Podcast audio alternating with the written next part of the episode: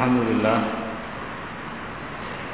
Wassalatu wassalamu ala rasulillah Wa ala alihi wa ashabihi Wa man tabi'ahum bi ihsan ila yawmiddin Amma ba'du fa inna ahsanal kalami kalamullah Wa khairal hadi hadi Muhammadin sallallahu alaihi wasallam Wa syarrul umur muhdatsatuha وكل محدثة بدعة وكل بدعة ضلالة وكل ضلالة في النار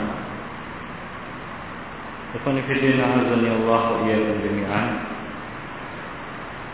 Pada pertemuan terakhir kita telah membahas kesalahan orang yang sholat berkaitan dengan zikir pada saat tidak, yaitu khususnya pada saat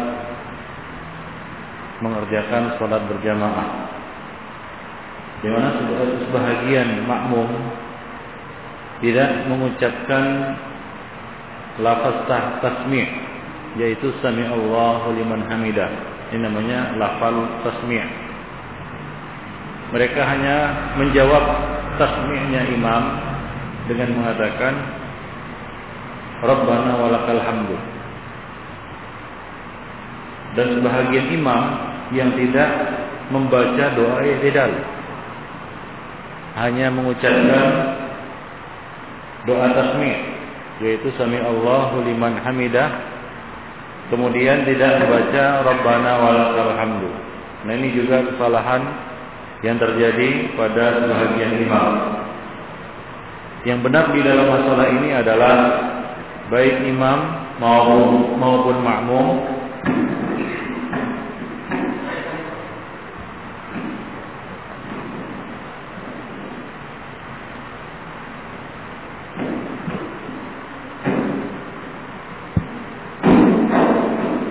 baik imam maupun makmum sama-sama mengucapkan Rabb sami Allahu liman hamidah Rabbana wa lakal hamd.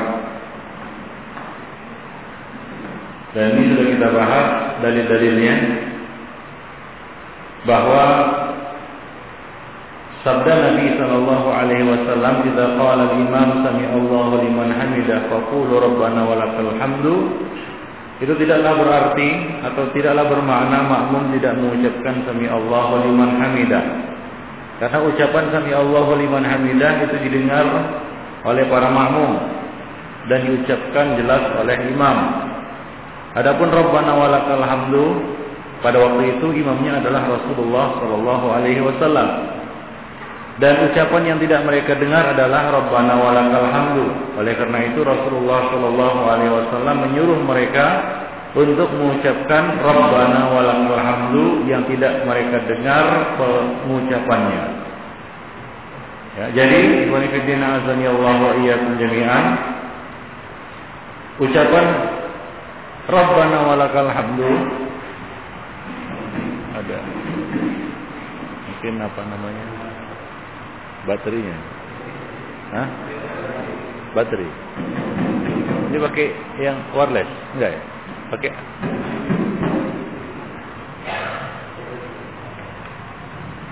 Kenapa?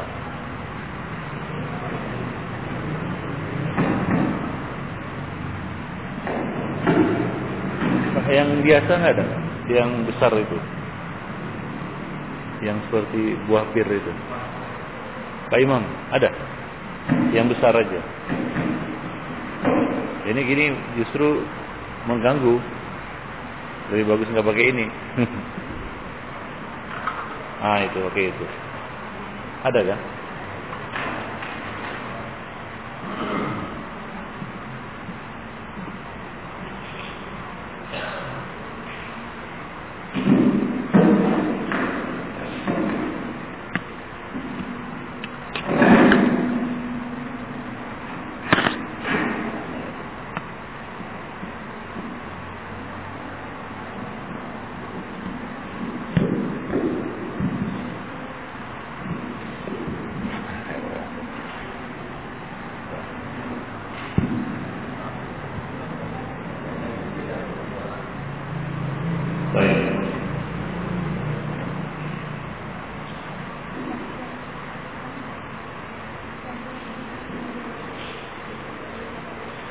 Jadi yang tidak terdengar oleh makmum ketika itu adalah ucapan imam Rabbana walakal hamdu. Oleh karena itulah Rasulullah Shallallahu Alaihi Wasallam memerintahkan mereka untuk mengucapkannya. Fakulu Rabbana walakal hamdu. Jadi perintah dikhususkan pada pengucapan Rabbana walakal hamdu karena ucapan inilah yang tidak terdengar oleh makmum. Adapun sami Allahu liman hamidah itu mereka mendengarnya dan mereka dapat mengikuti ucapan imam ya sebagaimana mereka mengikuti ucapan-ucapan imam lainnya. Seperti apa? Takbir ya. Nabi sallallahu alaihi wasallam mengatakan wa idza kabbara fakabbiru. Jadi ucapan imam Allahu akbar apakah makmum tidak mengucapkannya? Apabila misalnya imam akan ruku, dia akan dia tentunya akan mengucapkan Allahu Akbar. Apakah berarti makmum tidak mengucapkan Allahu Akbar cukup dengan takbirnya imam? Kan tidak. Jadi makmum juga mengucapkan Allahu Akbar. Nah, seperti itu pula lah ucapan Sami Allahu liman hamidah. Makmum juga mengucapkannya Sami Allahu liman hamidah dan membaca doa ketika i'tidal Rabbana walakal hamdu atau Rabbana lakal hamd. Nah, demikian Fiddin. Fa'azani Allah wa iyyakum jami'an berkaitan dengan kesalahan di dalam saat uh, pada saat i'tidal. Nah, kemudian Fiddin berikutnya penulis mengatakan kesalahan yang ketiga di dalam bab ini adalah ada mutma'ninah fir ruku' wal i'tidal.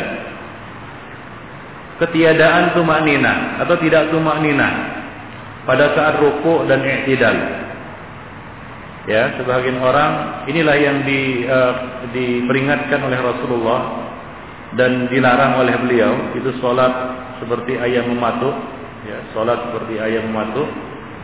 Mereka tidak meluruskan punggungnya ketika rukuk dan tidak meluruskan tulang punggung mereka ketika berdiri atau i'tidal. Zaid bin Wahab meriwayatkan, dia mengatakan, Ra'a Hudzaifatu rajulan la yutimmu ruku' was sujud. Hudzaifah yaitu Hudzaifah ibnu Yaman melihat seorang laki-laki yang tidak menyempurnakan ruku' dan sujud. Maksudnya di sini bukan tidak menyempurnakan bacaan ya, yaitu tidak meluruskan punggungnya ketika ruku' dan sujud. Tidak meratakannya ketika ruku' dan tidak meluruskannya ketika i'tidal. La yutimmu ruku' was sujud. Maka uh, bin Yaman berkata kepadanya, "Ma sallaita?" Engkau belum salat. Engkau belum salat. Walau mutta mutta ala ghairil fitrah allati fatarallahu Muhammadan. Seandainya engkau mati, maka engkau mati tidak di atas fitrah, yaitu di, di atas sunnah. Fitrah di sini maksudnya maknanya adalah sunnah yang Allah Subhanahu wa taala sunnahkan Muhammad berada di atasnya, yaitu sunnah yang telah Allah tetapkan atas Muhammad sallallahu alaihi wasallam khususnya di dalam ibadah ibadah salat. Jadi di sini Hudzaifah memandang salatnya tidak sah. Ya karena dia telah meninggalkan rukun yaitu tumakninah. Dan para ulama mengatakan meninggalkan rukun salat dapat menyebabkan batalnya salat. Ya meninggalkan rukun salat dapat menyebabkan batalnya salat. Tapi hadal atar di dalam atar ini terdapat dalil atau keterangan wujub tumakninah fi ruku' was sujud. Wajibnya tumakninah di dalam rukuk dan sujud. Wa anal ikhlal biha mubtilun bahwa melalaikan mengabaikan tumakninah di dalam rukuk dan sujud ini ya demikian pula pada saat bangkit dari rukuk yaitu i'tidal dapat membatalkan salat. Li'annahu qala lahu karena Hudzaifah berkata kepada laki-laki itu ma sallaita engkau belum lagi mengerjakan salat. Artinya salat yang kau lakukan tadi belum dianggap salat. Bahwa nadiru qaulihi sallallahu alaihi wasallam lil musii salatahu salatuhu. Dan itu sama seperti ucapan Rasulullah sallallahu alaihi wasallam kepada orang yang buruk salatnya sebagaimana di dalam hadis yang yang telah lalu dan yang akan datang nanti disebutkan yaitu Nabi berkata kepada orang itu laki-laki itu irji Fasalli fa innaka lam tusalli. Kembali dan kerjakan salat karena engkau belum lagi mengerjakan mengerjakan salat. Itu sama seperti perkataan Hudzaifah di dalam hadis ini. Diriwayatkan dari Abu Hurairah radhiyallahu taala anhu yang mengatakan, "Inna Nabi sallallahu inna Nabi sallallahu alaihi wasallam dakhala al-masjid pada kala rajulun. Ya suatu ketika Rasulullah Shallallahu Alaihi Wasallam masuk ke dalam masjid. Ya lalu masuk juga seorang laki-laki bersama beliau, yaitu kebetulan sama-sama masuk ke dalam masjid. Fasallah, lalu laki-laki itu mengerjakan salat. Summa ja'a fasallama ala Nabi sallallahu alaihi wasallam. Kemudian selesai salat dia datang dan menemui Nabi mengucapkan salam kepada beliau, faradda alaihi salam. Kemudian Rasulullah menjawab salamnya. Faqal, kemudian Nabi berkata, "Irji fasalli fa innaka lam tusalli." Kembali dan salatlah karena engkau belum lagi mengerjakan salat sampai tiga kali. Jadi disebutkan ini ringkas cerita bahwa dia kembali mengerjakan salat kemudian datang lagi menemui Nabi untuk yang kedua kali Nabi tetap mengatakan irji fasalli fa innaka lam tusalli sampai tiga kali. Fakal maka setelah yang ketiga dia mengatakan walladzi ba'atsaka bil haqq ma uhsinu ghairahu fa'allimni. Demi Allah yang telah mengutusmu dengan membawa kebenaran, ma uhsinu ghairahu. Aku tidak bisa selain cara yang telah aku kerjakan tadi. Yaitu begitulah cara aku mengerjakan salat. Itulah yang terbaik yang bisa aku kerjakan. Maka kalau salah ajarilah aku. Kalau salah maka ajarilah aku fa'allimni. Qal maka Nabi Shallallahu Alaihi Wasallam menjelaskan kepadanya. Dan para ulama mengatakan bahwa perincian yang disebutkan oleh Nabi di dalam hadis musius sholah ini, hadis kisah orang yang buruk sholatnya ini adalah kewajiban-kewajiban sholat. Semuanya wajib. Sebagian darinya adalah rukun. Nabi mengatakan tidak kumta ila salah faasbiril wudu. Jika engkau hendak mengerjakan sholat maka sempurnakanlah wudu Sumastaqbilil qiblah fakabbir. Kemudian menghadaplah ke kiblat lalu bertakbirlah. Menghadap kiblat ini uh, salah satu syarat salat. Berwudu syarat salat. Jadi beliau Rasulullah menjelaskan kepadanya mulai dari syarat kemudian rukun dan kewajiban salat. Ya kamu menghadap kiblat kemudian bertakbirlah. Takbiratul ihram rukun di dalam salat. Summa qra' ma Qur'an. Kemudian bacalah yang bisa kamu baca dari Al-Qur'an. Ini adalah kewajiban, kewajiban salat. Summa rka' hatta tatma'inna raki'an.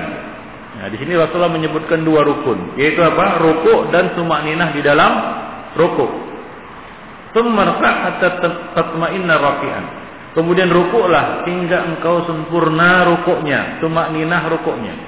Kalaulah sekedar ruku saja sudah sah, maka Nabi tidak akan melanjutkan dengan perkataan hatta tatma'inna rafi'an dan hatta tufidul ghayah, menunjukkan ghayah. Ghayah itu adalah ya, batas akhir, ya batas akhir sahnya ruku itu, yaitu apa? Melakukan tumakninah di dalamnya. Jadi tidak cukup dengan ruku saja. Dari situ kesalahan, uh, jelaslah kesalahan kelompok ataupun mazhab Hanafiyah yang mengatakan bahwa ruku itu cukup dengan inhina. Inhina itu adalah menundukkan kepala. Ya, kalau orang menundukkan kepala maka dia sudah disebut ruku walaupun belum tumak ninah di dalamnya. Ya, belum tumak ninah di di dalamnya. Nah, ini terbantah dengan sabda Nabi ini. Nabi mengatakan hatta tatma'inna raki'an. Jadi ruku di sini bukanlah ruku secara bahasa, tapi ruku dalam pengertian syar'i, khususnya di dalam sholat. Ya, khususnya di, di mana? Di dalam di dalam sholat, yaitu adanya tumak ninah di dalamnya. Barulah dia disebut sebagai ruku. Sumerfa hatta qa'iman. Kemudian bangkitlah hingga engkau benar-benar tegak lurus. Ta'tadil qa'iman, benar-benar berdiri tegak tegak lurus. Semasjud hatta tatma'inna sajidan. Kemudian sujudlah hingga engkau benar-benar tumak ninah di dalam sujud. Tumarfa hatta tatma'inna jalisan. Kemudian bangkitlah hingga engkau benar-benar tumakninah saat duduk. Tumasjud hatta tatma'inna sajidan. Kemudian sujud kembali ini sujud yang kedua hingga engkau benar-benar tumakninah di dalam sujud. Tumaf'al dzalika fi salatika kulliha. Kemudian lakukanlah itu pada seluruh salat-salat yang engkau kerjakan. Jadi itu adalah perincian salat yang disebutkan oleh Rasulullah sallallahu alaihi wasallam secara Ya garis besar secara global. Ya semuanya Nabi mengatakan hatta tatma'inna raqian hatta ta'tadila qa'iman hatta tajlisa hatta tatma'inna jalisan dan seterusnya. Nah ini semuanya menunjukkan bahwa tumakninah itu adalah wajib hukumnya. Ya, wa fihi dalilun ala wujubi tumanina. Dalam hadis ini terdapat dalil wajibnya tumanina. Dan barang siapa meninggalkannya walam yaf'al ma umira bihi. Barang siapa yang meninggalkannya berarti dia belum melakukan apa yang diperintahkan kepadanya di dalam salat, yaitu meninggalkan perintah. Wabak dia mutolaban bil amri dan dia dituntut untuk mengerjakannya. Ya, dan apabila dia tidak mengerjakannya maka dianggap tidak memenuhi syarat sahnya salat. Ya, berarti batallah salatnya. Itulah sebabnya Rasulullah Shallallahu Alaihi Wasallam menyuruhnya untuk mengulangi kembali salatnya. Wa ta'ammal amrahu bitumanina fir ruku' wal i'tidal fir minhu. Cobalah perhatikan perintah Rasulullah Sallallahu Alaihi Wasallam untuk tutup tumak ninah di dalam ruku dan i'tidal, yaitu bangkit dari ruku. Fa innahu la yakfi mujarrad tumanina fi rukn ar-raf'i hatta qa'iman. Walam falam yaktafi min min syar'i salati bi mujarrad raf' hatta ya'ti bihi kamilan. Bihaitsu perhatikan bahwa Rasulullah sallallahu alaihi wasallam tidak hanya mencukupkan dengan penyebutan apa? Tumak ninah pada saat uh, apa namanya? Rukun rafa yaitu bangkit dari dari mana? Dari ruku hatta ta'tadil qa'iman. Hingga kita benar-benar engkau benar-benar berdiri tegak lurus. Ya hingga benar-benar berdiri tegak lurus. Setelah tumakninah ruku maka kita melakukan rukun yang berikutnya yaitu hatta ta'tadil qa'iman. Hingga engkau benar-benar berdiri tegak lurus. Ya jadi ya Walam yaktafi minasyar'i salati bi mujarrir rafa. Jadi tidak hanya cukup dengan apa? Bangkit begitu saja kemudian langsung menyungkur sujud hatta ya'ti bihi kamilan hingga engkau benar-benar melakukannya dengan sempurna yaitu berdiri dengan sempurna. Jadi ini kesalahan sebagian orang yang terlalu cepat iktidalnya. Ya. Ngangkat kepala sedikit saja kemudian dia turun untuk sujud. Nah, sebahagian orang melakukan seperti ini. Bukan hanya madhab Hanafiyah. Kalau madhab Hanafiyah, rukuknya saja sudah tidak tidak kemanina. Apalagi iktidalnya. Mereka iktidal apa namanya sekadar mengangkat kepala, kemudian turun lagi untuk sujud. Nah, di kalangan pengikut-pengikut madhab yang lainnya seperti Syafi'iyah juga melakukan ini. Ya kita lihat sebagian orang sholat seperti itu. Memang rukuknya sempurna dia. Ya, tumanina dia di ruku, tapi dia itu tidak cukup dikatakan itu tidak cukup hingga dia ketika bangkit dari ruku benar-benar berdiri tegak tegak lurus. Nah, kita lihat sebagian orang mereka bukan penganut mazhab uh, Hanafi. Ya, sebagian dari mereka mengatakan belajar buku-buku Syafi'i, yaitu fikih Syafi'i, tapi mengamalkan seperti ini, yaitu mereka apa namanya cuma mengangkat sedikit saja kepalanya ketika, eh, dari ruku, kemudian menyungkur sujud. Nah, ini tidak sah ya tidak sah i'tidalnya hingga dia benar-benar berdiri tegak lurus. Itu maksudnya di sini. Wa hadzal khata a'ni adamu tuma'nina fil i'tidal min ruku. Dan ini adalah satu kesalahan yaitu tidak tumaknina saat i'tidal. Yaqau fihi man yusharu ilaihi wa au yudhannu bihi al-ilm la siyama fi salatin nafilah. Yang dilakukan oleh orang-orang yang terpandang kata beliau di sini. Bahkan yudhannu bihil ilm, bahkan dianggap berilmu. Ya, sebagian orang yang berilmu, sebagian orang yang dipandang ya terpandang lah kita katakan ya di dalam agama melakukan hal seperti ini kata beliau la siyama fi salatin nafilah. Khususnya ketika mengerjakan salat nafilah. Nah ini banyak diabaikan dan dilalaikan ditinggalkan oleh sebagian orang yang sholat yaitu tidak tumak nina pada saat i'tidal. Jadi ini menegaskan kepada kita bahwa i'tidal itu wajib juga tumak ninah di dalamnya yaitu berdiri tegak lurus sampai benar-benar apa? kembali ya tulang-tulang belakang tulang-tulang belakang itu ada rangkaiannya ya itu namanya fakor ya pernah lihat tulang belakang tulang belakang itu ya tentunya tidak lurus dia Pernah lihat tulang belakang? Lurus.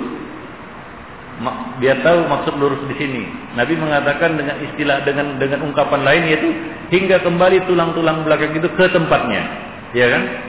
Tulang belakang itu begini dia ya. Nah, nah ketika orang itu berdiri tegak lurus, maka dia kembali kepada posisi yang se semula. Itu yang dimaksud dengan kembalinya ya kul faqarin makanahu. Ya, tulang seluruh tulang-tulang belakang itu kepada tem tempatnya. Nah, itu yang dimaksud dengan di apa namanya tumak nina pada saat iktidal. Jadi tidak boleh dia merunduk ya di dalam apa namanya iktidal itu seperti setengah rukuk ya dan tidak juga dan tidak boleh juga dia apa namanya uh, namanya condong ke belakang tapi dia diperintahkan untuk tegak lurus. Nah, demikian ini benefitnya. Baik. Nah ada sebagian orang yang bangkit dari ruku seperti ini, kemudian macam ada pirnya begitu ya. Jadi tidak benar-benar kembali posisinya, posisi tubuhnya ke tempat yang semula. Dia langsung apa namanya seperti pir gitu, cap begitu ya. Nah, ada juga yang gini, ada belum belum sempurna apa namanya berdirinya dia sudah langsung menyungkur sujud. Nah, saya perhatikan sebagian orang pernah saya lihat juga seperti ngepir ya, nggak tahu cara cara sholat bagaimana itu. Yaitu dia bangkit betul-betul, tapi begini apa namanya bangkit dia Allah langsung mengambil ancang-ancang untuk apa? Untuk sujud. Nah ini juga keliru, karena ungkapan yang disebut oleh Nabi di dalam hadis adalah hingga kembali setiap tulang-tulang belakang itu kepada tempatnya atau ke tempatnya. Nah demikian yang saya sebut. Karena tulang belakang itu nggak seperti tulang ini. Tulang apa namanya?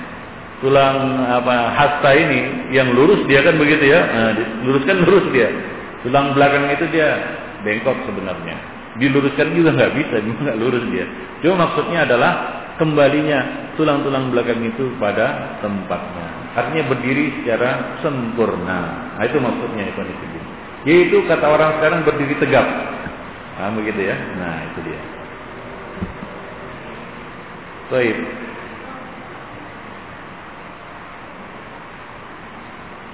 Waqala Al-Qurtubi, Al-Qurtubi mengatakan yang bagi insan ayuhsin fardahu wa naflahu. Al-Qurtubi ini menjelaskan tentang kesalahan sebagian orang yang mengabaikan salat-salat nafilah. Yaitu sebagian orang mengerjakan salat nafilah tanpa tumaknina. Karena mereka beranggapan ini ini salat nafilah, salat sunnah. Sebagian lagi salah mengartikan meringkas salat atau meringankan salat. Kemudian mereka meninggalkan tumak nina. Ini keliru. Karena yang namanya meninggal apa namanya meringankan dan meringkas salat itu bukan berarti meninggalkan rukun. Ya tidak berarti kita ringankan salat kita tidak perlu itidal, tidak perlu apa? Duduk di antara dua sujud. Begitu berdiri dari apa namanya sujud langsung sujud lagi. Tidak, maksudnya adalah mengerjakan apa namanya meringankan salat adalah meringankan bacaan salat yaitu misalnya membaca surat-surat yang pendek. Ya, mencukupkan dengan dikir-dikir yang yang yang yang di yang di yang apa namanya yang digariskan atau ditetapkan oleh Rasulullah sallallahu alaihi wasallam. Biasanya hanya membaca tiga kali saja atau membaca doa-doa yang pendek nah demikian. Itu maksud dari meringankan salat. Ya, bukan artinya memangkasnya atau meninggalkan rukun-rukunnya. Ya, terutama ini banyak terjadi pada salat-salat tarawih khususnya yang mengejar 20 rakaat dalam waktu setengah jam kan begitu ini payahnya seperti itu mereka harus mengejar 20 rakaat dalam batas waktu nggak boleh lebih dari 30 jam. Karena kalau lebih dari 30 jam nanti jemaahnya protes. Maka bagaimana caranya si imam untuk menyiasati 30 rakaat apa 30 menit? Ya dengan 20 rakaat mereka meringkas salat bukan meringkas tapi memangkas salat yaitu memangkas tumak ninanya buat buat seperti apa? Seperti senam aerobik. Nah ini keliru. Dan sholat mereka terancam batal dan tidak sah. Dan antum tidak boleh mengikuti imam yang sholatnya seperti ini. Antum tidak boleh mengikuti imam yang sholatnya seperti ini. Karena sia-sia saja kita sholat. Nah demikian fillah. Karena itu sholat sunat. Ya, berbeda misalnya dengan sholat sholat wajib, yang mana antum tidak punya pilihan kecuali sholat di situ kan begitu ya. Nah itu pun dengan catatan antum mengulangi salat apabila salat imamnya seperti itu, yaitu dia meninggalkan rukun. Ya, maka antum mengulangi salat ya di rumah kalau imamnya seperti itu dan tidak bisa digeser kedudukannya. Salatnya patok eh, tanpa tumaninah sama sekali. Nah, ada sebagian yang melakukan seperti itu. Nah, di dalam salat-salat sunat seperti salat tarawih antum ada pilihan untuk tidak sholat berimam ataupun bermakmum di belakangnya. Maka antum jangan bermakmum di belakang imam yang seperti itu. Nah demikian yang Fiddin.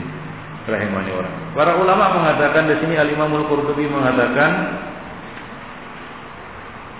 yang bagi insan ayuhsin fardahu wa naflahu. Ayuhsina fardahu wa naflahu. Seorang insan harus membaguskan solat fardu dan solat sunnatnya. Hatta yakuna lahu naflun yajiduhu zaidan ala fardihi. Hingga solat sunnatnya itu bisa menjadi penambal. Artinya apa? Pelengkap. Penyempurna bagi apa? Solat-solat fardunya. Tapi kalau solat sunnatnya seperti itu, lalu bagaimana bisa solat sunnatnya itu melengkapi solat fardu? Ya, kalau sunat solat sunnatnya seperti itu, ya yakirru bihi yuqarribuhu bihi yuqarribuhu min rabbih yang dengan amalan itu dia mendekatkan diri kepada Allah Subhanahu wa taala Allah mengatakan wa may yazalu 'abdi yataqarrabu ilayya bin nawafil hatta uhibbahu Sungguhnya hambaku itu senantiasa mendekatkan diri kepadaku dengan mengerjakan amalan-amalan sunat hingga aku mencintainya. Lalu bagaimana Allah mencintainya jika dia mengerjakan amalan-amalan sunat dengan cara seperti itu? Ya, tentunya Allah Subhanahu wa taala akan menangguhkan ya cintanya kepada hamba itu disebabkan sholat sunatnya yang dilakukannya asal-asalan. Ya, asal-asalan. Sebagian orang ya khususnya di dalam sholat sunat dia mengerjakannya asal-asalan, asal jadi. Padahal sholat sunat ini salah satu fungsinya adalah menambal sholat fardu. Yang kedua, dia mendekatkan diri dengan salat sunat itu kepada Allah Subhanahu wa taala yang hasilnya Allah akan mencintainya. Jadi dia tidak boleh main-main ataupun dia tidak boleh asal-asalan mengerjakan salat fardunya. Salat apa? Salat sunatnya. Apa pun salat sunat itu. Misalnya apa? Salat wudu, salat di antara adzan dan iqamat, kemudian salat tahiyatul masjid dan salat-salat sunat yang lain. Fa idza kana naflun yukammilu bihil fard fa hukmuhu fil makna hukmil fard. Adapun ya salat sunat dikatakan dapat menyempurnakan salat fardu, maka hukumnya secara makna hukum salat fardu. Artinya apa yang ditetapkan, apa yang diwajibkan pada salat fardu, demikian juga diwajibkan pada salat sunat. Ya, tumak ninah yang diwajibkan pada salat fardu juga diwajibkan pada salat sunat. Walaupun ya kadarnya itu berbeda. Wa man la yuhsin ay yusalli al-fard fa ahra wa aula alla yuhsin ay alla yuhsin at-tanafful. Barang siapa yang tidak baik mengerjakan salat fardunya, maka tentunya ya sudah sudah apa namanya? sudah pasti dia tidak akan bagus mengerjakan salat sunatnya. La jaram itu tidak heran ya tanaffalan nasi asaddi ma yakunu minan nuqsan wal khalal likhifatihi indahum wa tahawunihim bihi hatta ka'annahu ghayra mu'taddin bihi.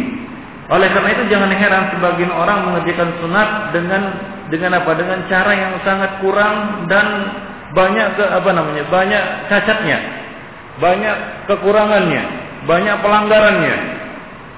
Karena sangat ringannya sholat sunat itu ataupun sangat remehnya sholat sunat itu di dalam pandangan mereka, hingga mereka mengabaikannya. Seolah-olah mereka tidak menghitung sholat sunat itu sama sekali. Artinya mereka memandangnya sebelah mata. Dengan anggapan, wah ini sholat sunat saja. Kemudian mereka mengerjakannya asal-asalan seperti yang kita sebutkan tadi. Nah ini adalah anggapan yang keliru. Apa yang diwajibkan pada sholat fardu juga diwajibkan pada sholat sunat. Walaupun hukum sholat sunat adalah sunat. Bukan artinya semua yang ada di dalamnya sunat. Nah ini kan sholatnya sunat. Artinya semua yang ada di dalamnya sunat. Kalau begitu nggak usah takbiratul ihram saja.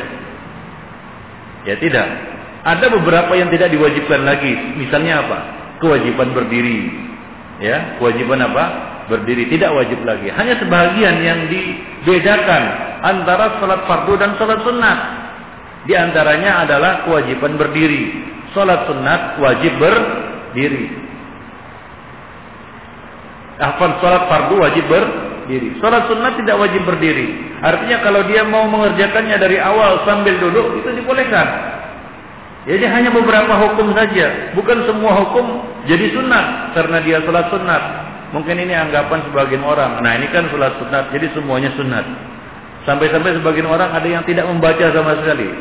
Enggak ada bacaannya. Salat sunat itu ya sekedar formalitas saja, gerak-gerak badan saja kemudian ya kita lihat seperti itu. Yang berbeda ketika dia mengerjakan salat fardu. Baik. Nah ini adalah anggapan yang keliru.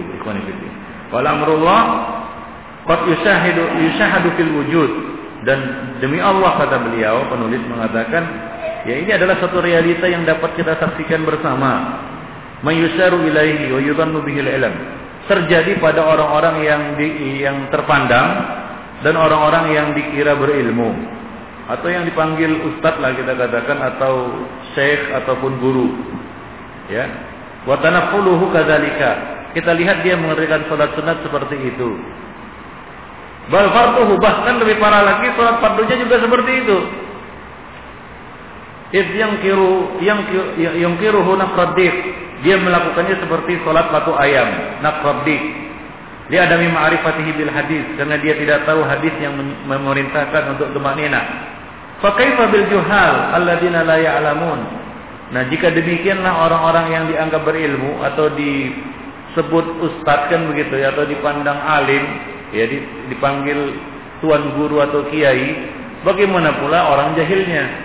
Nah, kita lihat seperti itulah dia pemandangan yang terjadi di sebahagian masjid kaum muslimin ya di sebagian masjid kaum muslimin. Walaupun tidak separah di negara-negara lain, kita katakan ya masih mending di Indonesia.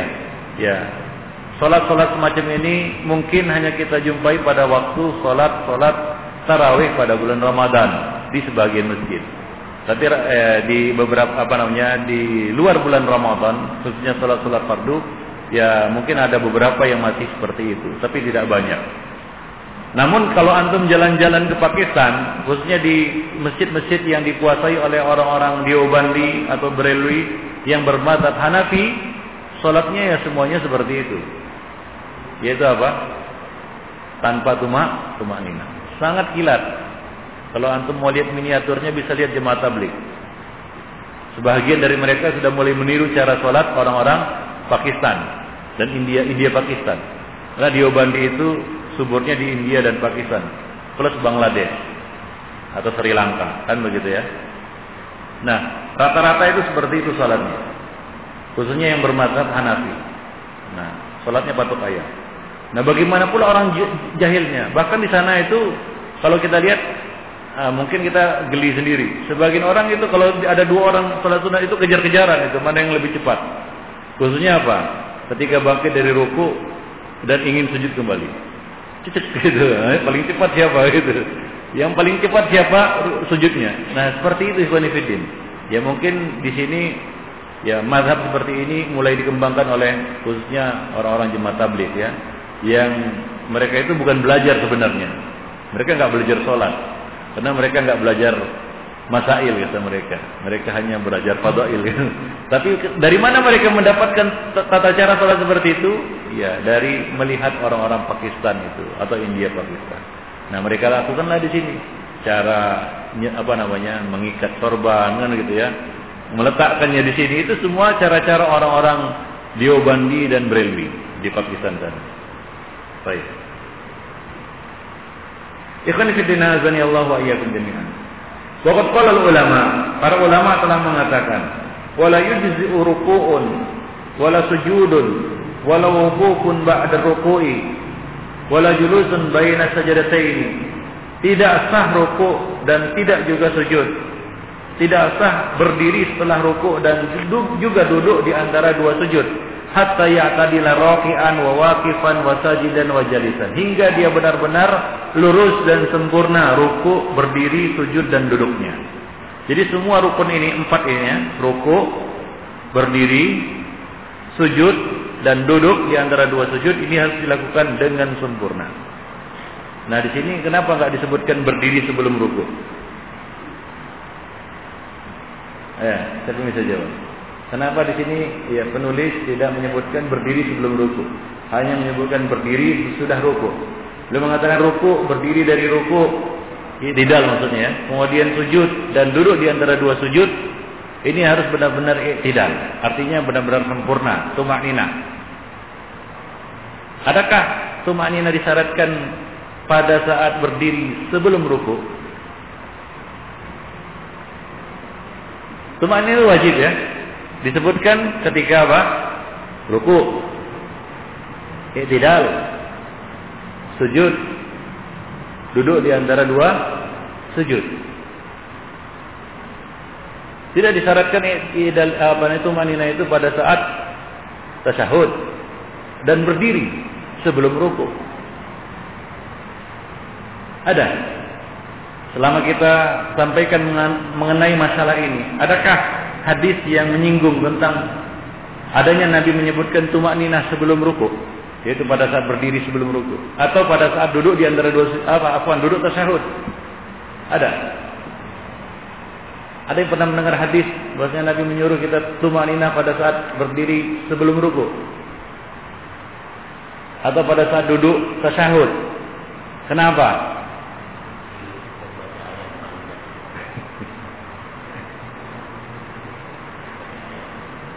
Baca ayat panjang. Kalau kalau tasyahud, duduk tasyahud. Hah? Panjang juga. Gak perlu tumak ninah lagi ya. Udah panjang dibacaannya berarti udah tumak ninah aja. Otomatis gitu. Kalau orang itu gak bisa baca fatihah.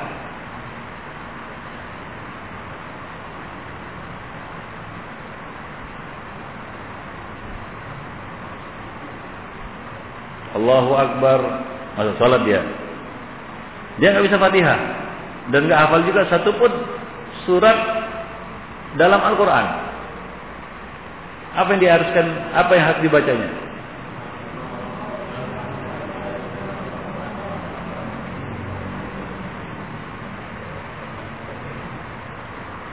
Ya, anggaplah dia baca itu. Setelah dia baca itu hanya beberapa saat, kemudian dia ruku. ada tumanina ada di situ. Atau tidak disyaratkan tumanina pada saat itu.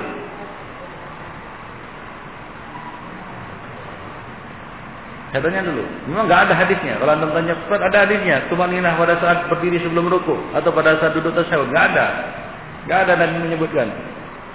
Tapi Ikhwanifiddin yang merajih, yang sahih, tetap wajib tumak ninah pada saat berdiri sebelum ruku maupun pada saat tasyahud. Cuma al hukmu lil ghalib.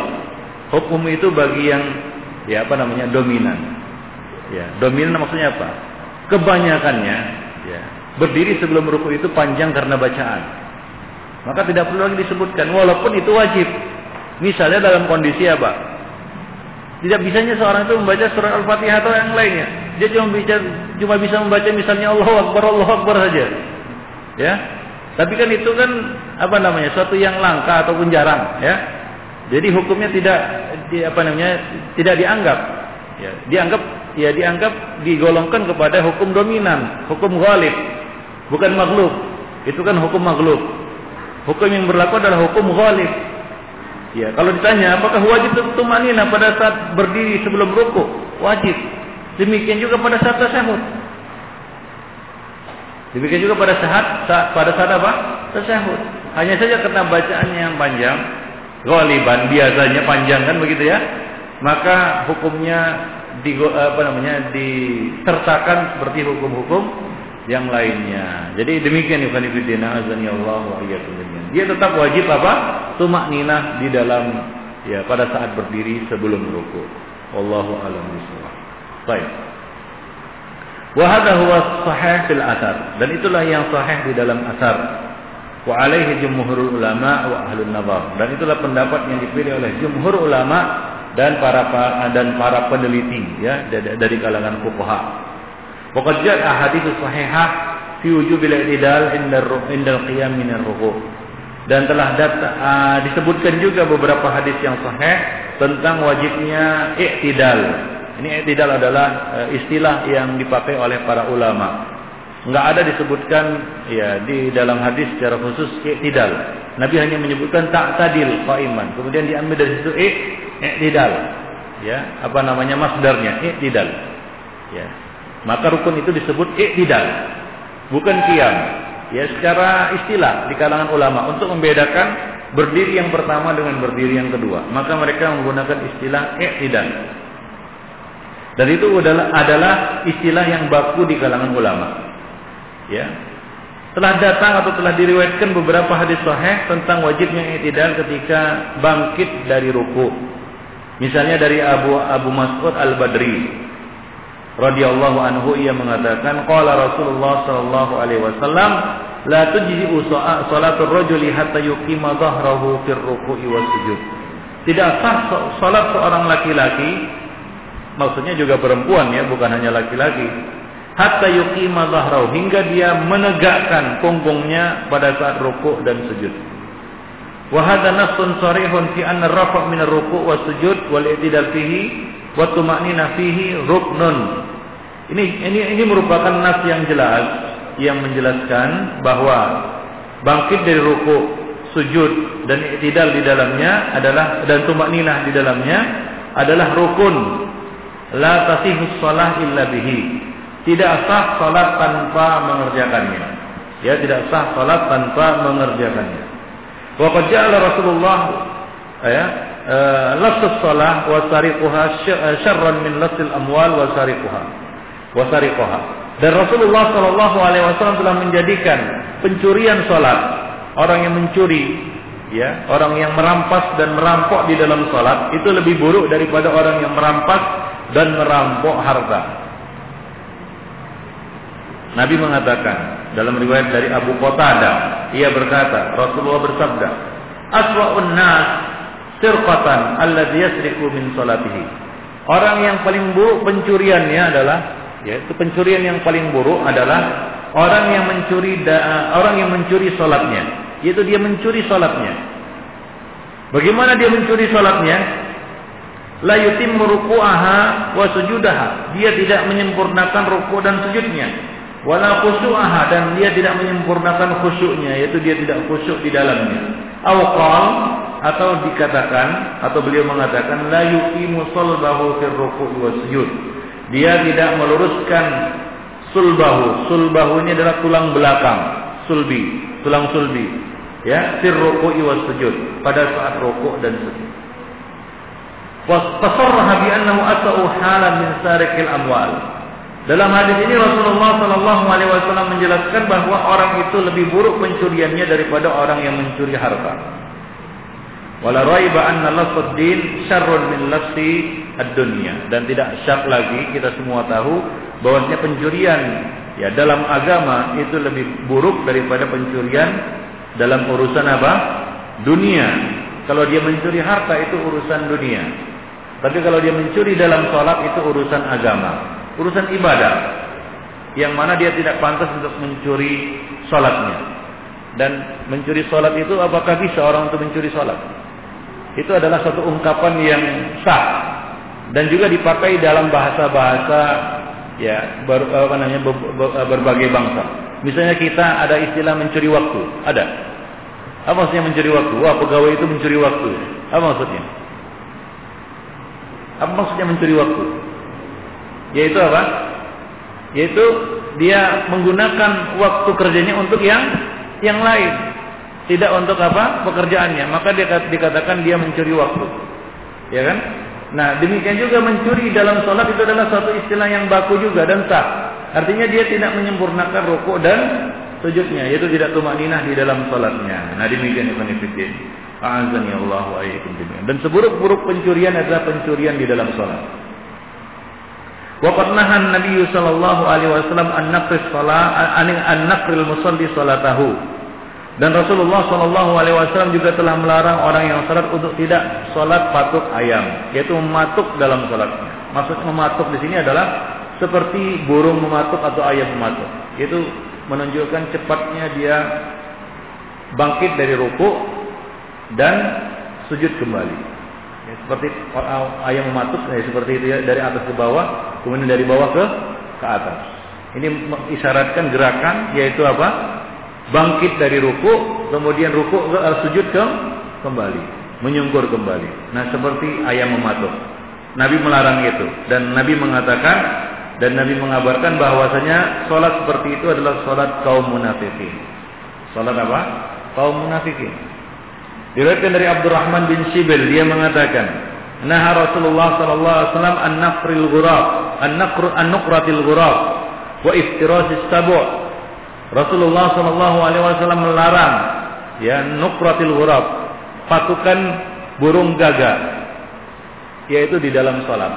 Wa iftirasis tabu' dan duduk seperti binatang buas yaitu ketika sujud. Iftirasus sabu' itu ketika sujud. Yaitu sujudnya seperti duduknya binatang buas. Yaitu dengan merebahkan apa? Lengannya ke lantai. Nah demikian. Wa ayyuatin rajul al-makana fil masjid kama yuwatin al-ba'ir. Dan seorang yang mengkhususkan satu tempat di dalam masjid sebagaimana seekor onta mengambil tempat khusus untuk dia istirahat yaitu mengambil tempat khusus di dalam masjid untuk sholat. Ini sudah kita bahas pada pada pembahasan yang lalu. Nah demikian. Jadi salah satu yang dilarang adalah apa? Nukratil ghurab. Ya, sholat seperti burung gagak mematuk. Ya, seperti burung mematuk. Wan Ala bin Abdurrahman annahu dakhala ala Anas bin Malik. Dewet dari Ala bin Abdurrahman. Bosnya dia menemui Anas bin Malik. Siapa Siapanya Ala bin Abdurrahman?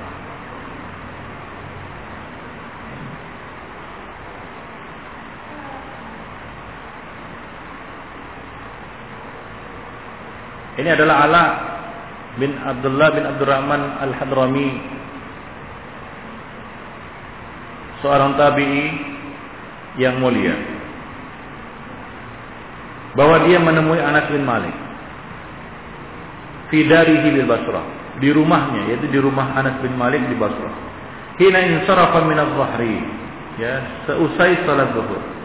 Wa daruhu bi jambil masjid Rumah Anas ini di samping masjid. Falamma dakhalna alaihi qal. Ya, setelah kami masuk ke rumahnya dia mengatakan, "As-salaitumul asr?" As-salaitumul asr? Apakah kamu sudah mengerjakan salat asar? Faqulna lahu, "Innama insarafna sa'ah min adh-dhuhr." Kami baru saja selesai salat zuhur. Sudah ditanya, apakah sudah selesai salat asar? Sementara kami baru saja baru saja selesai salat zuhur. Pertanyaan Anas bin Malik apa? Apakah kamu sudah sholat asar? Maka kami pun terkejut. Ya ditanya seperti itu. Fal fasallu al asar. Maka Anas mengatakan kerjakanlah sholat asar. Fakumna fasallaina. Maka maka kami pun berdiri dan mengerjakan sholat asar. Falamma in, falamma insarafna ketika kami akan berangkat beliau berkata yaitu Anas bin Malik berkata Sami'tu Rasulullah sallallahu alaihi wasallam yaqul. Aku mendengar Rasulullah sallallahu alaihi wasallam bersabda, "Tilka salatul munafiq." Itulah ciri salat orang munafik. Bagaimana itu? Yajlisu yarqubus syams. Dia duduk memperhatikan matahari. Hatta idza kanat baina qarnay syaitan, hingga ketika matahari itu akan terbenam, Qama fanaqaraha arba'an. Dia pun berdiri dan mengerjakan patok ayam sebanyak empat kali, yaitu empat rakaat. Empat rakaat. Yaitu di akhir waktu sudah mau selesai, terburu-buru baru dikerjakan terburu-buru seperti ayam mematuk, seperti burung gagak mematuk. Kata Nabi itulah dia ciri salat orang munafik. Jadi di sini ikhwan fillah uh, dalam riwayat lain disebutkan bahwasanya pada saat itu ya uh, matahari ya masih bercahaya putih. Hingga orang-orang yang datang itu, yaitu Ala bin Abdurrahman mengira sholat asar belum lagi masuk. Karena kebiasaan para umarok pada saat itu adalah mengerjakan sholat asar ketika cahaya matahari sudah mulai menguning. Ya, dan mereka biasanya mengakhirkan sholat zuhur karena mengejar ibrat. Ibrat artinya mengerjakan sholat zuhur pada saat cuaca sudah agak dingin. Yaitu ketika bayangan sudah mulai panjang hingga bisa digunakan untuk berteduh. Itulah waktu ibrat. Ibrat itu artinya menunggu cuaca dingin untuk apa namanya menunggu adanya apa namanya e, bayangan untuk berteduh untuk mengerjakan sholat zuhur. Biasanya mereka menggunakan itu, melaksanakan itu. Nah kemungkinan di dalam kisah ini Ala bin Abdurrahman dan kawan-kawannya mengerjakan sholat zuhur pada waktu akhir untuk mengejar ibrat. Nabi mengatakan abridu bid duhri. Ya. Tunggulah waktu ibrat untuk mengerjakan sholat duhur, yaitu waktu di mana cahaya sudah mulai apa bayangan sudah mulai panjang hingga bisa digunakan untuk berteduh. Itu namanya ibrat. Ya, tentunya waktunya itu di akhir waktu, ya menjelang masuknya waktu asar. Nah, ketika mereka berpaling dari sholat zuhur dan pergi ke rumahnya Anas bin Malik, kemungkinan sudah masuk waktu asar. Hingga Anas bin Malik bertanya, apakah kamu sudah mengerjakan sholat asar? Artinya hendaknya mereka menyegerakan pelaksanaan sholat asar begitu masuk waktunya. Jangan sampai menunggu apa? Matahari menguning seperti yang biasa dilakukan oleh para umarok ketika itu. Nah itu dia apa namanya situasi pada saat itu. Baik. Nah beliau Anas bin Malik di sini membawakan hadis Nabi Shallallahu Alaihi Wasallam tentang ciri orang uh, salat orang-orang munafik. Nabi mengatakan itulah ciri orang uh, salatnya orang-orang munafik. Dia duduk memperhatikan matahari, artinya menunggu kuningnya cahaya matahari hingga apabila matahari sudah mulai tenggelam, ya sudah hampir tenggelam, dia pun berdiri dan mengerjakannya secara terburu-buru empat rakaat seperti uh, apa namanya burung gagak memasuk. La yadhkuru la yadhkurullah la fiha illa qalilan mereka atau dia orang munafik itu tidak mengingat Allah Subhanahu wa taala kecuali sedikit saja. Yaitu maksudnya di sini adalah orang-orang munafik itu tidaklah mengerjakan sholat kecuali sebentar saja. Ya, kecuali sebentar saja. Nah, itu ciri orang munafik. Ya, sholat mereka sebentar saja. Ya, kita lihat sebagian orang ada yang mengerjakan sholat sunat dua rakaat kurang dari satu menit. Ada juga itu, ada cepat sekali ya seperti ya, lebih cepat lagi gerakannya daripada daripada jarum merah itu berjalan itu tiba-tiba sudah apa sudah tasahud tasahud sementara sudah salam dia itu. ada juga seperti itu ya yang ku, bahkan kurang dari satu menit atau satu menit lebih ya mulai itu sudah sudah dua rakaat ya. nah demikian baik padahal sholat sunat nabi itu sholat sunat nabi yang paling cepat yang paling beliau ringankan itu paling minimal itu 4 menit. Berapa? Dua rakaat 4 menit. Itu yang paling ringan.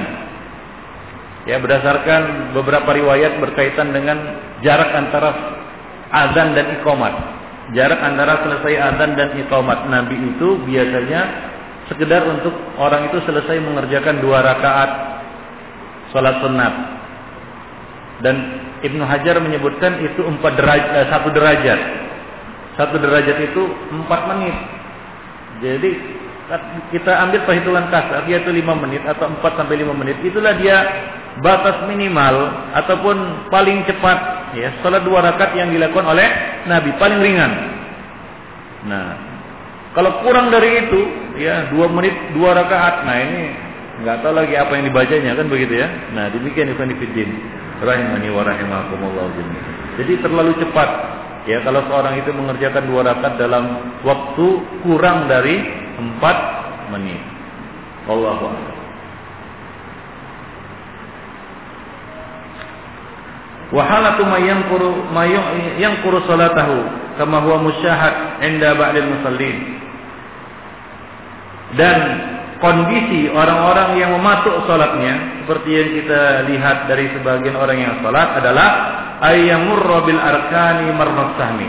Dia itu lewat atau melakukan rukun-rukun salat itu seperti kilat, seperti lesakan anak panah.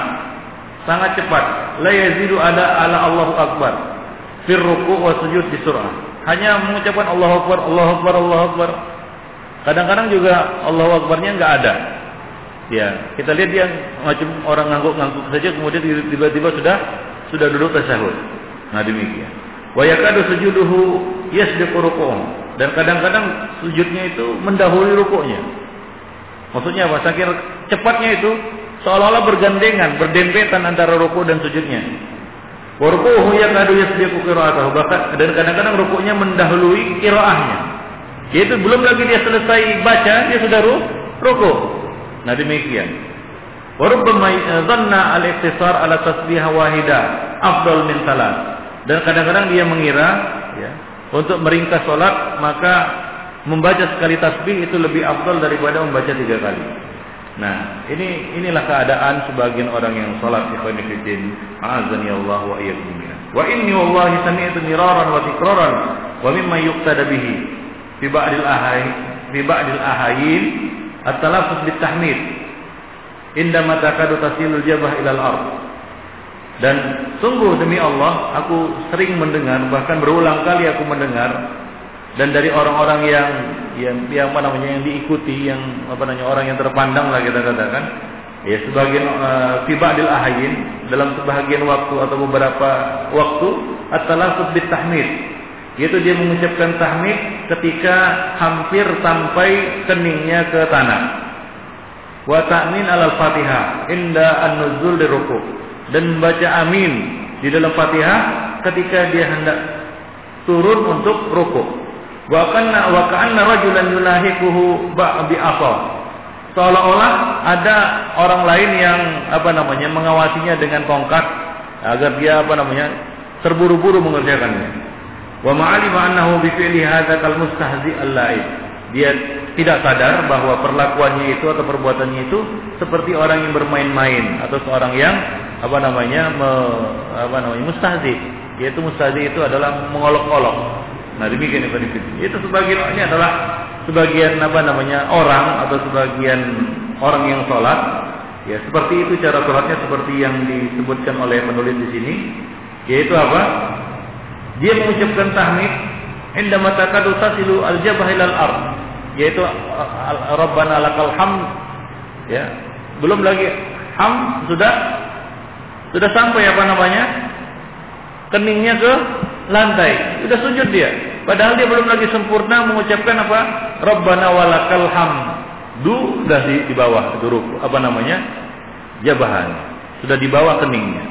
Artinya dia belum lagi menyempurnakan apa namanya? zikir i'tidalnya dan belum lagi dia membaca zikir intiqal yaitu Allahu Akbar. Dia sudah apa? Dia sudah sujud. Nah, itu maksudnya. Demikian juga dia mengucapkan amin, at-ta'min al-Fatihah. Dia mengucapkan amin ya ketika imam membaca Al-Fatihah atau ketika dia membaca Al-Fatihah, belum lagi selesai amin, dia sudah apa?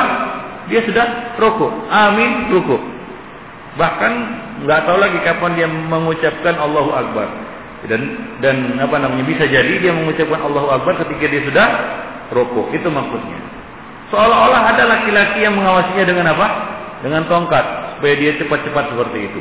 Dia nggak sadar bahwa cara seperti itu justru ya dia itu seperti orang yang bermain-main dan orang yang apa namanya melecehkan ya Allah Subhanahu wa taala yang dia menghadap kepadanya di dalam salat. Nah demikian ikhwan fillah azani Allah wa iyyakum jami'an. Nah itulah dia berkaitan dengan masalah uh, nina ketika rukuk dan sujud. Nanti akan kita lanjutkan pada pembahasan yang akan datang masih berkaitan dengan masalah ini. Itulah Ikhwanuddin kajian kita pada malam ini. Bila ada yang bertanya silahkan. Sebelum kita tutup. Ya.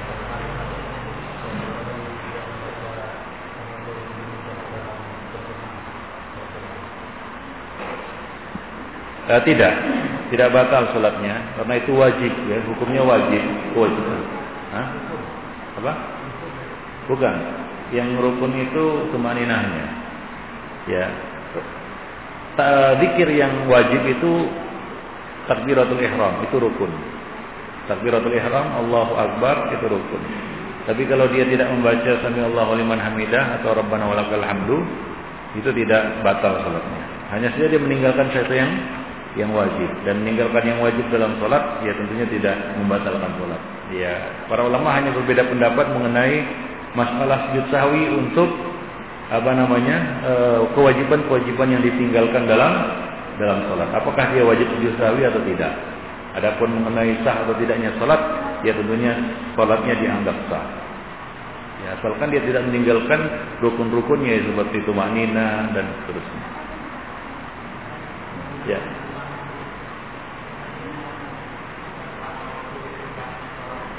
Ya.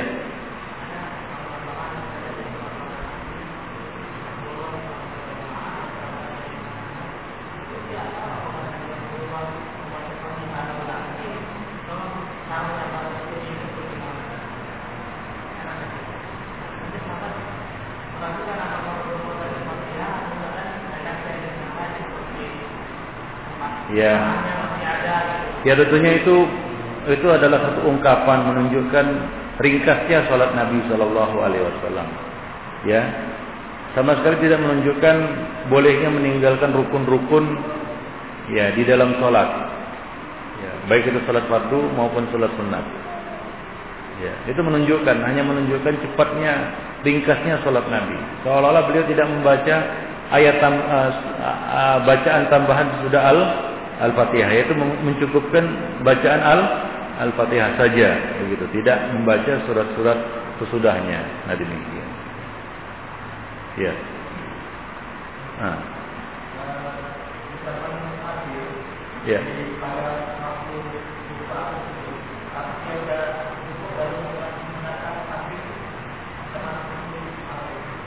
Ya itu satu kekeliruan ini sudah dibahas yaitu setiap gerakan ya, kondisi di dalam salat itu ada zikirnya.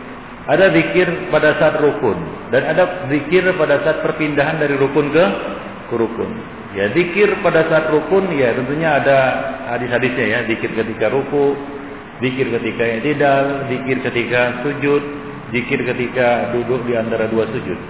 Nah, di sana ada zikir-zikir perpindahan, intiqal dari rukun ke rukun. Zikir ya dari berdiri ke ruku apa? Allahu Akbar. Zikir dari ruku ke apa namanya? I'tidal adalah sami Allahu liman hamidah. Zikir dari i'tidal ke sujud adalah Allahu Akbar dan seterusnya. Nah itu namanya zikir pada saat intiqal, perpindahan dari rukun ke rukun dan itu hukumnya wajib. Demikian.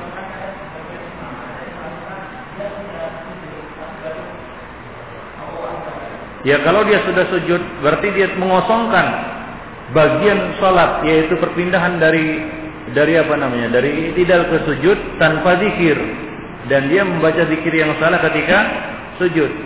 Mungkin yang disalah uh, disalah pahami di sini adalah cara Nabi bertakbir yaitu mengucapkan zikir zikir intifal ini. Nabi mengucapnya mengucapkannya kadang-kadang ya berbar uh, di awal gerakan di pertengahan gerakan dan di akhir ke gerakan. Nah, bukan setelah tiba pada gerakan berikutnya. Yaitu misalnya seorang akan akan apa namanya? akan ruku. Ya, ada tiga cara. Yang pertama dia mengucapkannya di awal gerakan, yaitu dia akan dia bergerak, mulai bergerak dan mengucapkan Allahu Akbar. Nah, boleh jadi uh, boleh ini ini cara yang pertama. Yang kedua, pada saat di tengah-tengah gerakan. Allahu Akbar kan begitu ya, ber, beriringan dengan gerakan. Dan yang ketiga di akhir, yaitu dia bergerak dulu ketika akan menyempurnakan dia baru mengucapkan Allahu Akbar. Nah itu caranya. Nah, tidak boleh dia sudah sempurna ruku kemudian dia baca Allahu Akbar. Berarti apa? Ya, perpindahan dari berdiri kiam ke rukuknya tanpa tanpa zikir. Sementara uh, salat itu seluruhnya adalah zikir. Ya, tidak ada yang kosong dari apa? Pikir.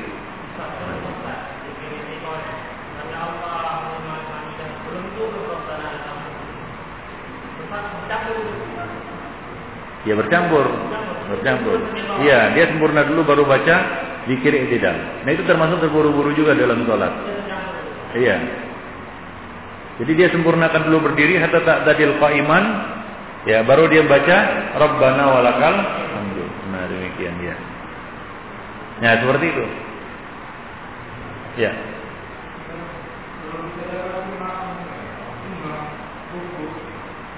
Ya.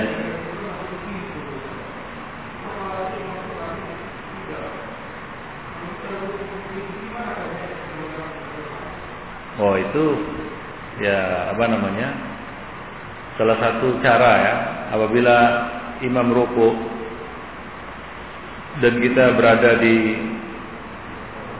di luar atau hendak mendatangi sholat maka kita mendatanginya sambil ruku hingga masuk ke dalam saf itu kita bertakbir Allahu Akbar ruku kan begitu ya?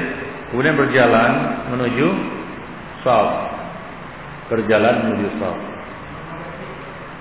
ya? Ya menghadap kiblat Ya, kan berjalan ke saf kan menghadap kiblat kan begitu ya. Nah, demikian. Ya. Hah?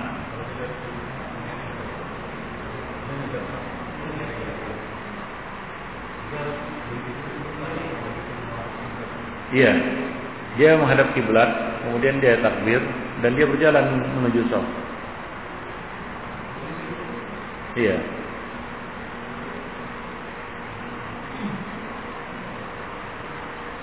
Dalam posisi ruku dia, dia jalan. Cuma nggak boleh terburu-buru. Dia berjalan dengan ah? Ya nggak apa-apa, udah terhitung satu rakaat, dapat dapat ruku. Nah, dapat ruku bersama imam. Dengan catatan dia tidak boleh ter terburu-buru. Artinya nggak boleh berlari. Ya, artinya dia merunduk atau meruku sambil ber berjalan berlari berlari lah kita berjalan cepat ya untuk mendapati mendapatkan apa? Saf begitu. Mungkin anggapannya itulah yang dikatakan oleh Nabi, zadakallahu hirsan wala ta'ud. Semoga Allah menambah semangatmu untuk beribadah tapi jangan ulangi. Yang dilarang oleh Nabi di situ adalah e, terburu-burunya dia mendapati saf. Ya, bukan apa namanya? Bukan ruku di belakang saf. Ya, Nabi mengabarkan kepadanya bahwa rukuknya di belakang saf ya sebelum masuk saf itu sudah termasuk terhitung ruku. Jadi dia tidak perlu terburu-buru untuk mendapatkan ya, apa namanya? rukuk di saf. Nah, itu maksudnya. Iya, sudah sudah bangkit.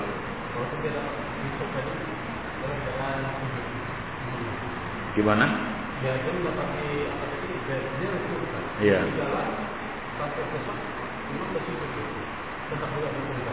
Tetap dihitung. Ya, tetap dihitung. Iya, ya apalagi imamnya cepat kan gitu. Iya, iya, itu bisa terjadi. Dia, dia kalau dia rukuk bersama imam, Allahu Akbar dia rukuk dapat rukuk bersama imam dan dia, dia berjalan dengan tenang, ya, berjalan dengan tenang, dengan tumak ninah juga. Nah, apabila di tengah jalannya itu imamnya bangkit, ya kan? Bangkit imamnya, Allah Sami Allahu liman hamidah, dia juga ikut bangkit dan terus berjalan dengan tenang sampai di stop, imamnya sudah nyungkur sujud, dia ikut sujud. Dan dia sudah terhitung dapat satu rakaat. Jadi nggak boleh, makanya dikatakan jangan terburu-buru. Yang tidak boleh adalah terburu-buru. Nabi melarang orang itu, ya, karena dia terburu-buru. Ya. Baik. Ya.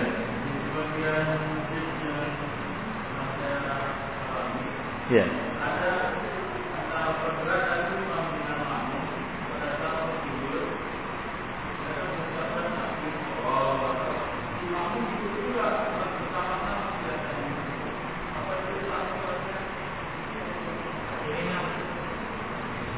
Ya imam ya, makmum ini makmum tidak boleh bergerak hingga imam menyelesaikan takbirnya. Itu peraturannya seperti itu. Jadi yang yang menjadi patokan bagi makmum adalah takbirnya imam. Kalau imamnya sudah bar, Allahu Akbar, ya sudah bar dia, maka imam bergerak. Eh, apa makmum bergerak. Nah, dalam bergerak ini bisa jadi dia bersamaan dengan imam, Ya, bisa jadi. Mungkin karena imamnya takbir dulu baru ber, bergerak hingga bisa jadi beriringan. Nah, masalah beriringan gerakan makmum dengan imam ini bukan jadi ukuran. Ya. Asalkan dia tidak bergerak sebelum dia imam menyelesaikan apa? takbirnya. Tapi kalau dia sudah bergerak sebelum imam menyelesaikan takbirnya, maka dia dianggap mendahului imam. Iya. Gimana? Ini sudah kita bahas kemarin kan? Mengenai masalah itu sudah kita bahas. Uh, bagaimana ya apa namanya ketentuan makmum, ya bergerak itu sudah dibahas kayaknya di sini. Di dalam sebelumnya sudah kita bahas itu ya. Di awal-awal kalau salah. Iya. Di sini ada nanti di dalam bab salat berjamaah mungkin ada di sini.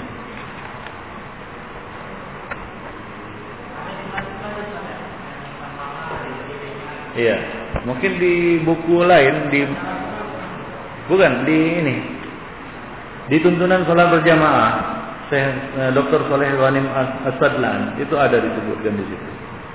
Ya, eh, beberapa kondisi ya, takbirnya imam dan gerakan makmum. Ada yang beriringan, ya, ada yang sebelum dan sesudah takbirnya. Dan bagaimana eh, makmum harus berbuat.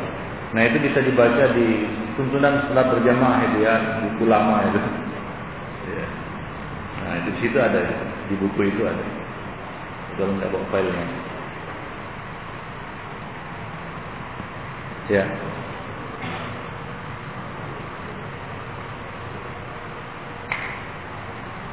Ada lagi yang tanya?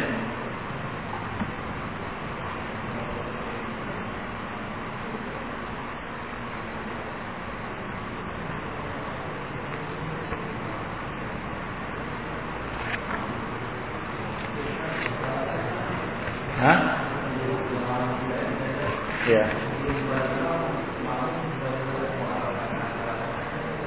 Ya kalau dikatakan kalau yang ditanya itu sah atau tidak sahnya sholat, ya sholatnya tetap sah. Ya cuma dia berdosa, dapat ancaman. Yaitu apa? Kepalanya dirubah menjadi kepala ledai itu dia. Sholatnya tetap sah. Hah? Iya. Iya.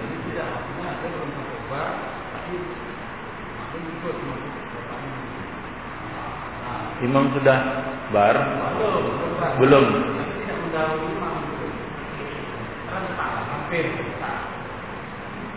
Gimana?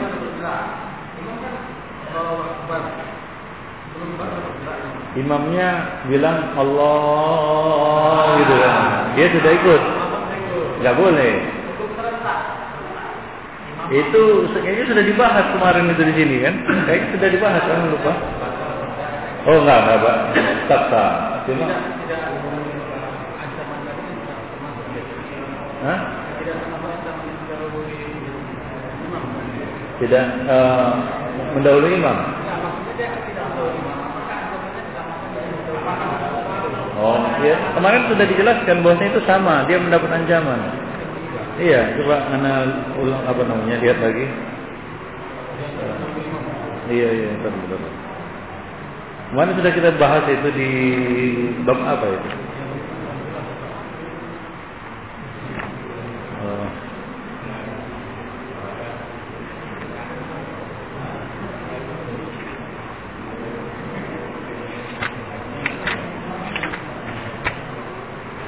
Kayaknya sudah kita bahas itu. Saya masih ingat di bab apa dulu kemarin.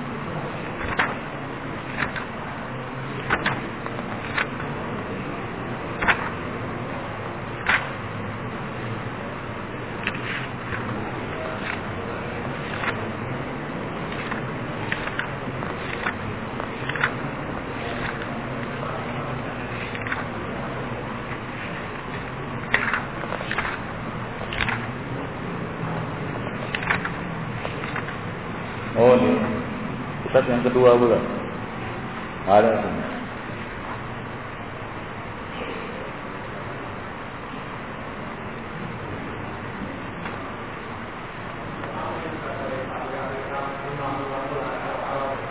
Apa?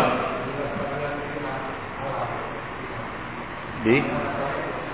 Iya, kemarin sudah kayaknya gitu, lupa-lupa ingat juga. Nanti ada dibahas lagi di dalam kesalahan sholat berjamaah di sini. Hah? Yang bab apa? Coba coba di bukunya. Di, ini ini jilid pertama. Iya, itu jamaah sholat berjamaah. Iya kan? Sholat berjamaah. Iya, ini ini ini ini jilid pertama.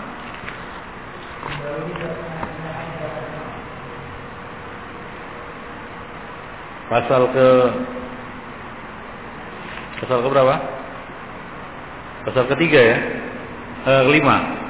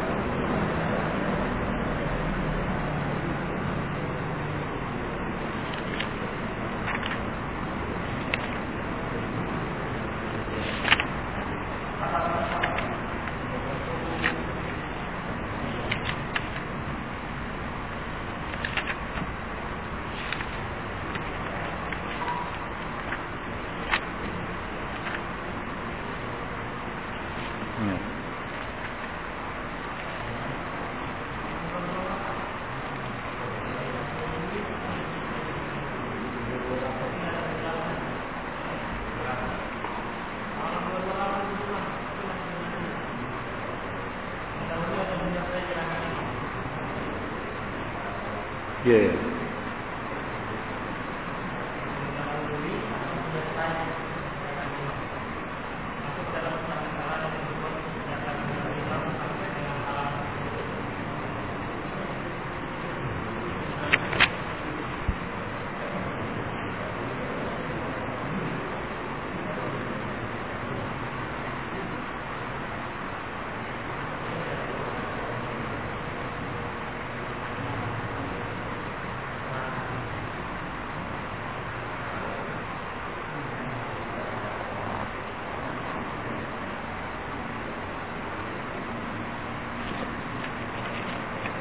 Ya ada hadis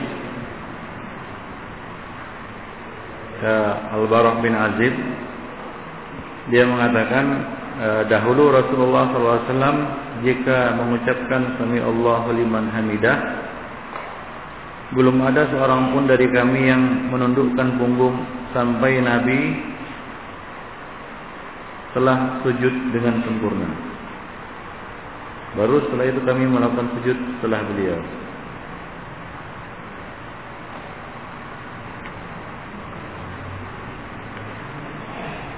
Itu maksudnya. Artinya dilarangan mendahului imam ruku dan sujud. Janganlah kalian mendahului aku ketika ruku dan sujud.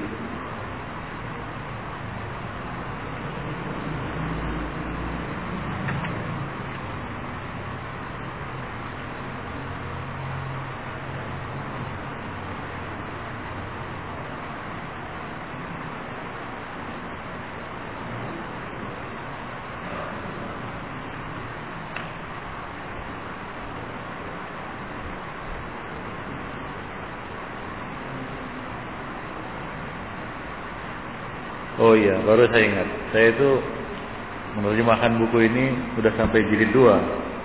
Perasaan saya sudah disampaikan di sini, padahal belum. ya nanti akan ada nanti di di bab berikutnya tentang masalah ini. Penjelasannya lebih panjang.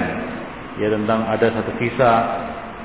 Ya apakah berubahnya kepala itu menjadi kepala keledai itu betul-betul atau atau apa namanya maknawi ya.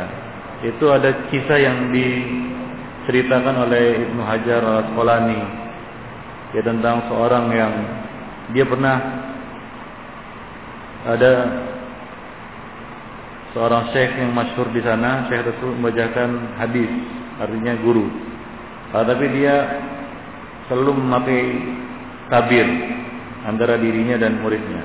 Tidak ada seorang pun yang pernah melihat wajahnya. Ketika ia sudah lama kali berguru kepada syekh tersebut, maka gurunya muridnya itu ingin melihat syekhnya. Gimana sih bentuknya? Nah ternyata setelah dilihat, setelah dibuka ya tabir apa namanya penutupnya, maka si murid pun terkejut karena melihat gurunya berkepala keledai kepalanya kepala ledai. Ini kisah. Maka gurunya itu berkata kepadanya, "Perhatikanlah wahai muridku, janganlah sekali-kali kamu mendahului gerakan imam. Karena sungguhnya ketika aku mendengarkan hadis yang menerangkan hal itu, aku tidak mempraktekkannya. Aku pun mendahului gerakan imam dalam sholat, hingga wajahku berubah seperti yang sekarang kamu lihat." Itu di dalam buku Fathul Mulhim Syarah Sahih Muslim. Jadi ini ada kisah ya, tentang hal itu. Itu nanti akan dibahas pada uh, bab kedua, misalnya, jilid kedua tentang kesalahan-kesalahan dalam salat berjamaah.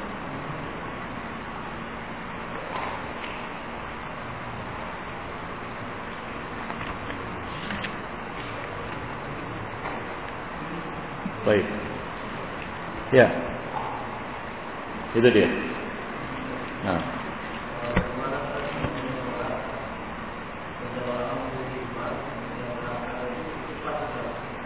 Nah.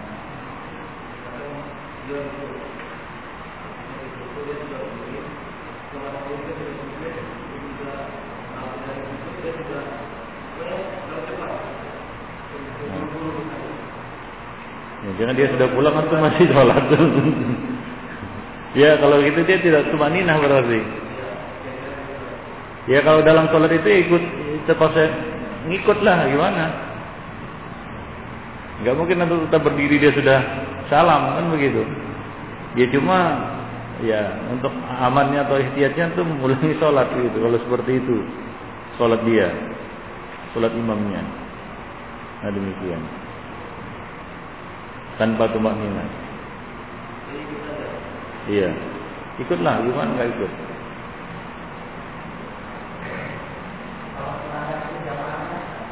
Ya janganlah, enggak boleh.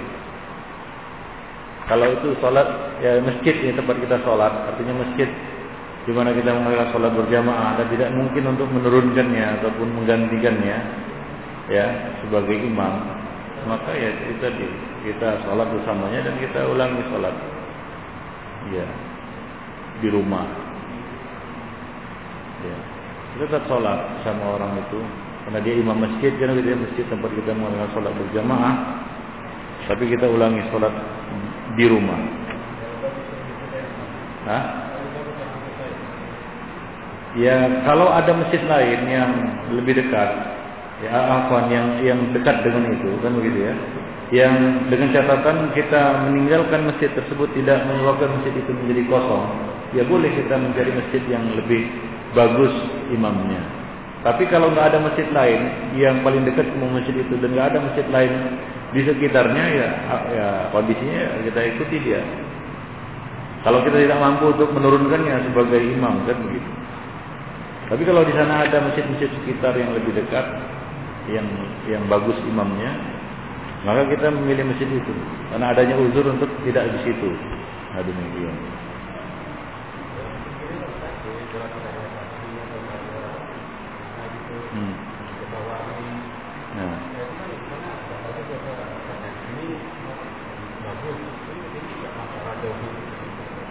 Iya. Ya, kalau dia nggak kosong di sana masjidnya nggak jadi masalah. Nggak jadi masalah. Baik, nanti akan datang penjelasan itu dia di dalam masalah bab solat berjamaah. Baik, itu. Nah, demikian saja pertemuan kita pada malam ini mudah-mudahan manfaatnya. Subhanakallah bihamdik asyhadu an la ilaha illa anta astaghfiruka wa atubu ilaik.